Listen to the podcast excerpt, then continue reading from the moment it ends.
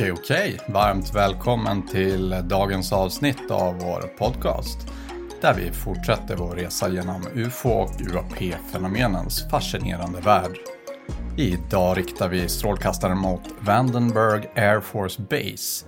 En plats som blivit epicentrum för en av de mest gåtfulla och diskuterade UAP-händelserna i modern tid.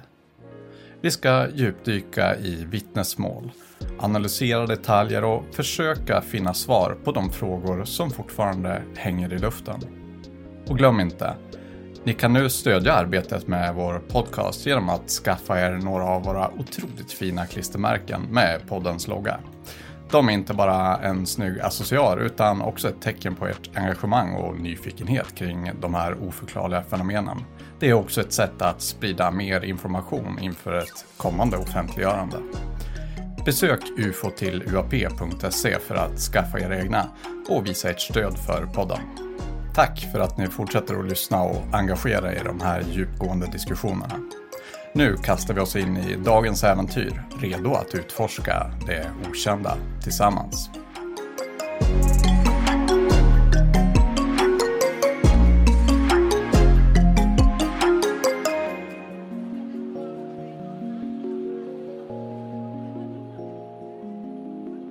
En av sakerna som tas upp i kongressförhören ifrån juli och som vi, när vi gick igenom kongressförhören i avsnitt 1, 2 och 3, pratade om är Vandenberg-händelsen. För er som inte minns så spelar det ingen roll, för vi kommer att dyka in i berättelsen från början. Jeff Nicutelli arbetade 2004 som säkerhetspolis på en amerikansk flygbas vid namn Vandenberg Air Force Base, numera Vandenberg Space Force Base. Den är belägen två timmars bilfärd norr om Los Angeles på den amerikanska västkusten. Själva basen sträcker sig över ett enormt område, cirka 400 000 kvadratmeter, varav 5 mil är kust. Man kan likna hela basen vid en mindre stad, vilket för Jeff innebär att hans arbetsuppgifter ofta var detsamma som en vanlig polis i det civila. Det kunde handla om snatterier, våld i nära relationer eller annat mer ordinärt polisarbete. Jeff var, trots att han var stationerad på en militärbas med tillgång till tunga vapen, säkerhetsklassning och ansvarig för att bevaka bland annat kärnvapen, precis som vilken annan polis som helst. Jeff började på den här basen 1999. Tidigare så hade han arbetat med samma arbetsuppgifter, men på en annan bas i Japan i sju år. På Vandenberg Air Force Base blir han befordrad och det uppåt. Först till Senior Patrolman och sedan till Flight Sergeant. De jobbar fyrskift på basen. Jeff tillhör det skift som kallas för Bravo Flight och ett skift består av mellan 60 till 100 poliser. Deras uppgift är, som jag nämnde tidigare, att ansvara för säkerheten på Vandenberg Space Force Base, som är en del av det amerikanska rymdvapnet. Under 2004 var den här basen involverad i ett projekt igångsatt av Bush som skulle styrka det nationella missilförsvaret. Vilket innebär att möta inkommande missiler med egna missiler innan de når amerikansk mark. Ni kanske har hört eller följt med på Israels Dome. Det är precis samma typ fast principen här är att det är för hela USA. Alltså en osynlig barriär som bevakas av satelliter där alla hot som kommer innanför skickar signaler till missilbaser på marken som skjuter ut mötande robotar som spränger hoten i luften. Vandenberg var alltså en bas som höll på att byggas ut för att leverera själva spjutet i denna mekanism, missilerna. De olika avfyrningsramperna på Vandenbergbasen är utspridda kring den fem mil långa kustremsan. Eftersom det är en militärbas så finns ingen annan bebyggelse här och själva basen ligger lite längre inåt land, vilket betyder att dessa avfyrningsramper ligger utplacerade väldigt öde längs med kustlinjen. Det är inte bara rymdförsvarsmissiler som är utplacerade här, utan även kärnvapenbestyckade robotar. Solen hade precis börjat kasta sina första ljusstrålar över den vidsträckta militära anläggningen som låg inbäddad i Kaliforniens kustlandskap. Basen, känd för sina raketuppskjutningar och strategiska betydelse, var en plats där rutin och ordning var livsviktigt. Jeff kände hur den kyliga havsluften från Stilla havet mötte den stränga disciplinen när han svängde in på basens centrala område. Basen var en plats där varje dag följde en förutbestämd ordning. Men denna morgon skulle bli allt annat än vanlig för Jeff och hans kollegor. Som senior patrullman i Bravo Flight hade Jeff upplevt sin beskärda del av ovanliga händelser och falska larm. Hans roll var att upprätthålla ordning och säkerhet på basen, en uppgift som han tog på största allvar. Vandenberg var en plats av hög säkerhetsklassning, där varje hörn och vrå var bekant för Jeff. Från de välbevakade raketuppskjutningsramperna till de avlägsna övervakningsstationerna.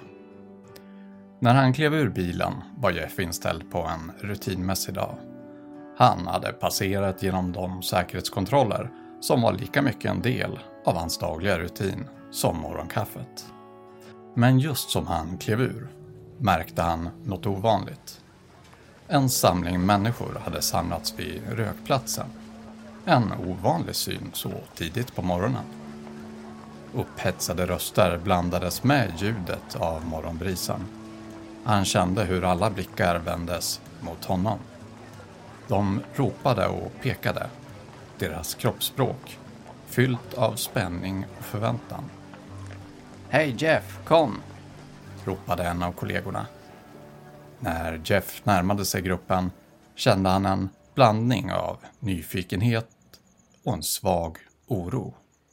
Han var van vid att hantera allt från små brott till större incidenter. Men denna morgonens atmosfär bar på något annorlunda. Något han inte kunde sätta fingret på. Vad har hänt? frågade Jeff när han närmade sig. Hans blick fast på de bekanta ansiktena. Du kunde känna den elektriska spänningen i luften. Som om något monumentalt just hade inträffat på basen. Vad det än var, så visste Jeff att den här dagen skulle skilja sig från alla andra. Hans kollegor från Delta Flight, som just hade avslutat sitt nattskift, såg ut att bubbla över av något de ivrigt ville dela. Det var ovanligt att se så mycket aktivitet så tidigt på morgonen och det spred en känsla av nyfikenhet som var omöjlig att ignorera. Jeff, du kommer inte tro vad som hände nu på morgonen. Utropade en av vaktposterna. En ung man med rufsigt hår och en blick som skimrade av både förväntan och en lätt rädsla. Runt omkring honom nickade andra instämmande. Deras ögon fast på Jeff. Som om han var nyckeln till att lösa något stort mysterium. Jeff, alltid den lugna och samlade, kunde inte hjälpa att bli smittad av gruppens entusiasm. Vad pratar ni om? Vad hände? frågade han. Hans röst både nyfiken och försiktig. Då kom en annan kollega. En kvinna med skarpa drag och en seriös uppsyn. Ett steg framåt. De eh, såg något, något i himlen. Något vi aldrig har sett förut, sa hon. Hennes röst låg och darrade lätt av spänning. Det var tydligen inte någon drönare eller flygplan. Det rörde sig på ett sätt som, ja, som inte går att förklara. Jeffs skepticism och träning att förbli rationell i alla situationer fick honom att höja ett ögonbryn. Vandenberg var en plats där oförklarliga händelser inte var helt ovanliga. Men det här verkade vara något utöver också det ovanliga. Berätta mer, uppmanade han, hans analytiska sinne nu fullt engagerat. En efter en började hans kollegor att berätta vad som inträffat. Två olika larm från två olika platser ringdes in cirka 08.45 på morgonen. Båda samtalen kom från Boeing-konsulter som arbetade ute vid två av avfyrningsplattformarna. De beskrev hur ett gigantiskt objekt, stort som en fotbollsplan, rektangulärt, mörkt men rött, glödande, svävade närmare och närmare ramperna på ett sätt som stred mot allt de visste om aerodynamik. Vi talar om ett block som svävar i luften, stort som en fotbollsplan.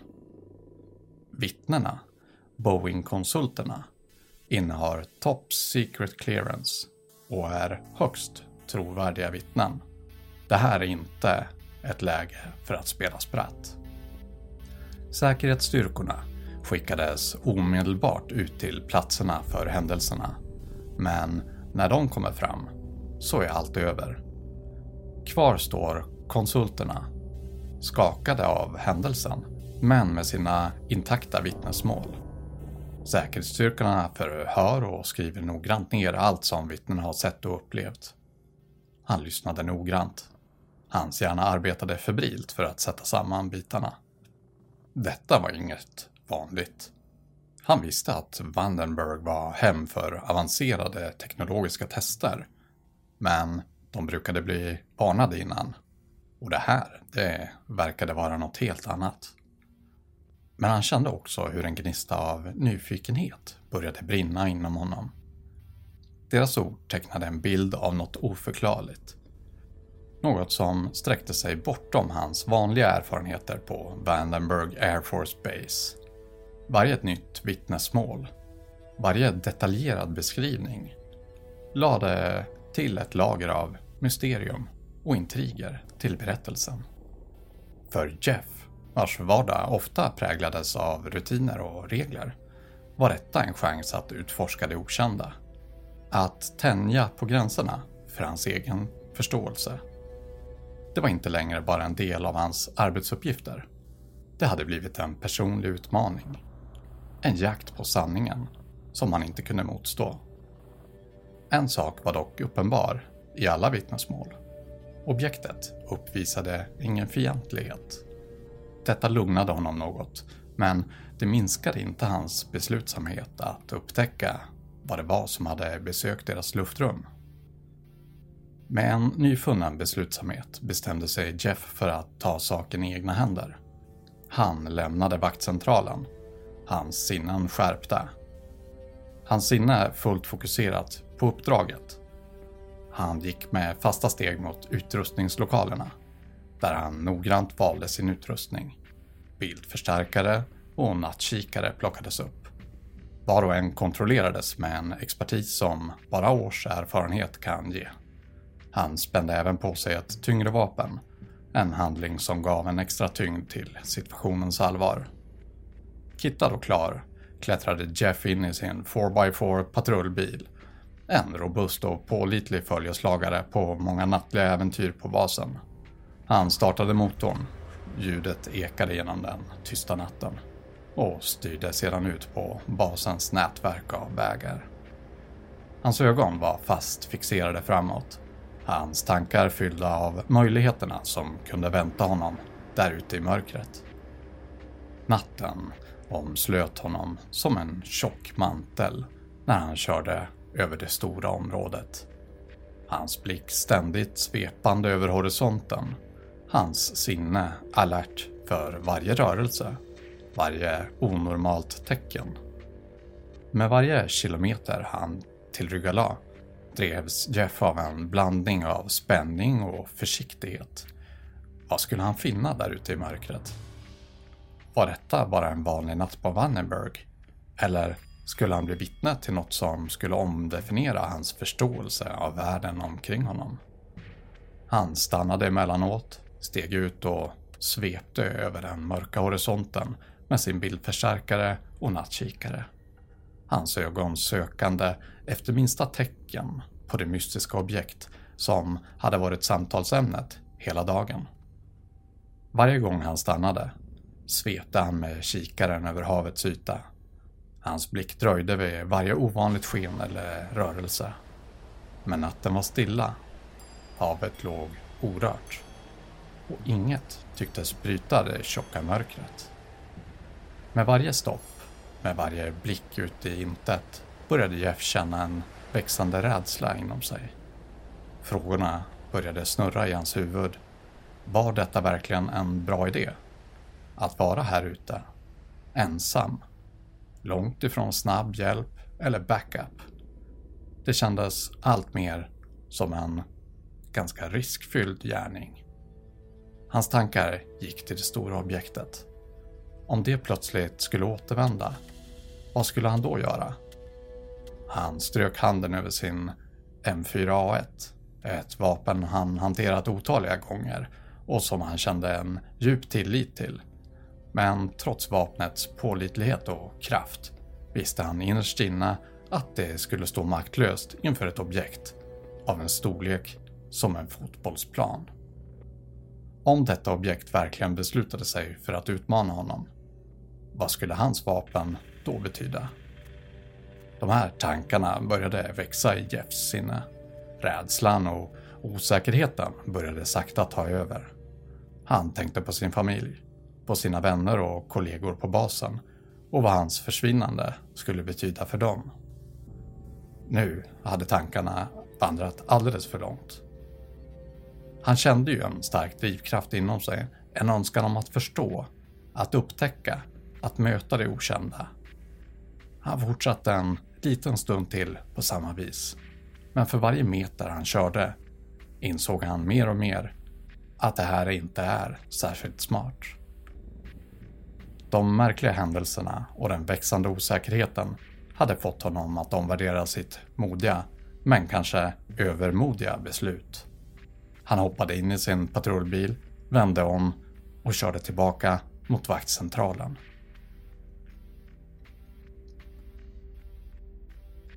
När han nådde vaktcentralen blev han mött av några av sina kollegor. Atmosfären var laddad med en blandning av nyfikenhet och oro. De fortsatte diskussionen om morgonens händelser, vrida och vända på varje detalj i hopp om att finna någon logik i det som hade skett.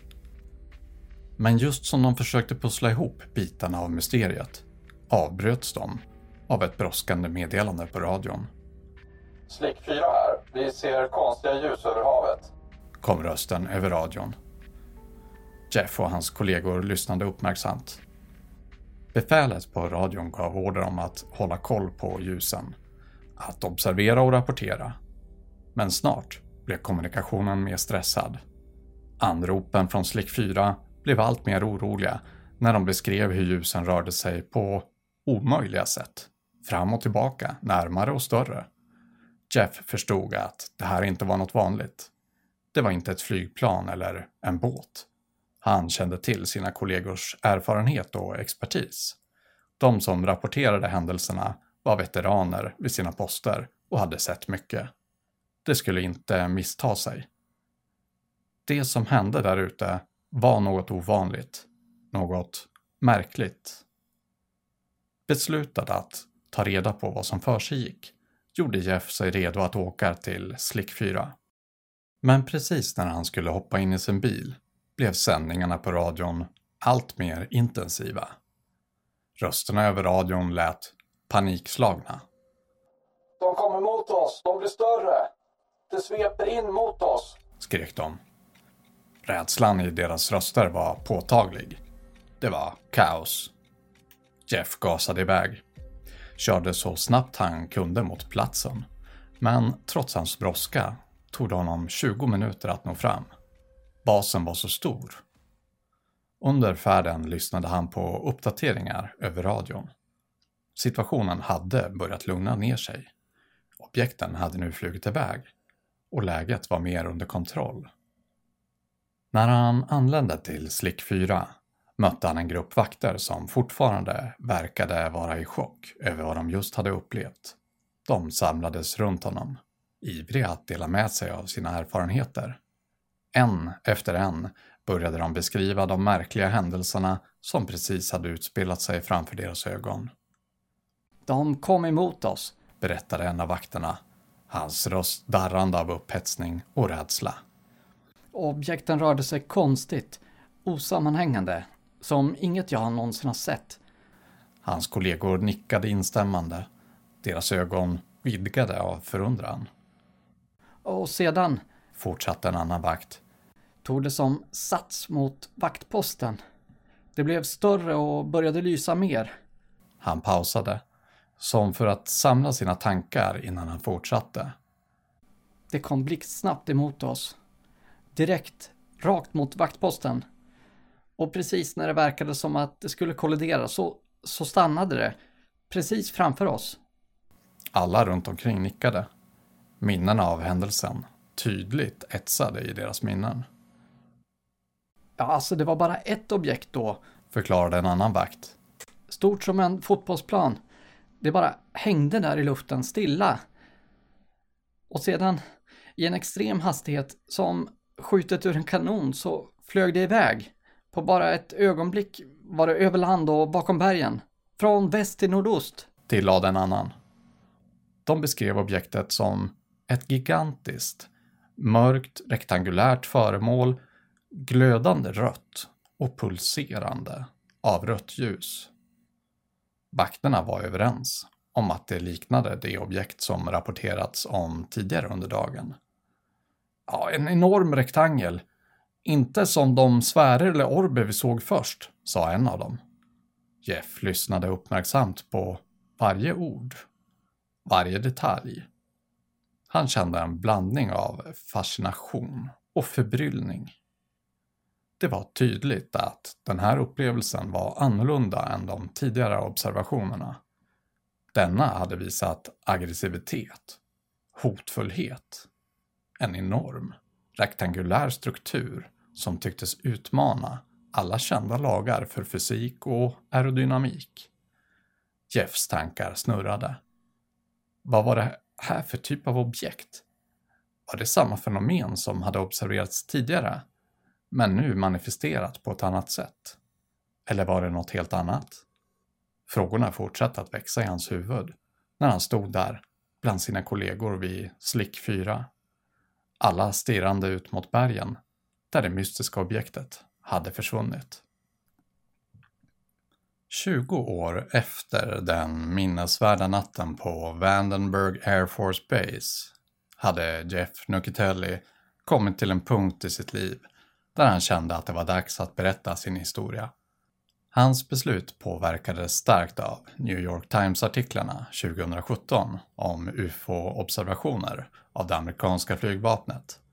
Dessa artiklar väckte gamla minnen och fick Jeff att tänka på de märkliga händelser som han själv hade upplevt. Det var något i dessa berättelser som påminde honom om sin egen erfarenhet och han kände en växande önskan att dela med sig av det han visste. Efter en tid av eftertanke kontaktade Jeff Ryan Graves, en före detta stridspilot i USAs flotta och en offentlig röst inom UAP-communityn. Ni som lyssnat på podden kommer säkert ihåg Graves från avsnitt 1, 2 och 3 då han var en av vittnena i USAs kongress i juli. Graves lyssnade uppmärksamt på Jeffs vittnesmål och granskade de polisrapporter Jeff hade bevarat från den natten. Rapporterna var en fysisk påminnelse och ett bevis om händelserna. Detaljerade dokument som bekräftade Jeffs minnen av den mystiska incidenten. Uppmuntrad av sitt samtal med Ryan Graves började Jeff söka kontakt med sina före detta kollegor från Vandenberg. Han ville samla deras vittnesmål för att se om deras minnen stämde överens med hans egna. Av det han hade pratat med hittills mindes de flesta händelsen tydligt.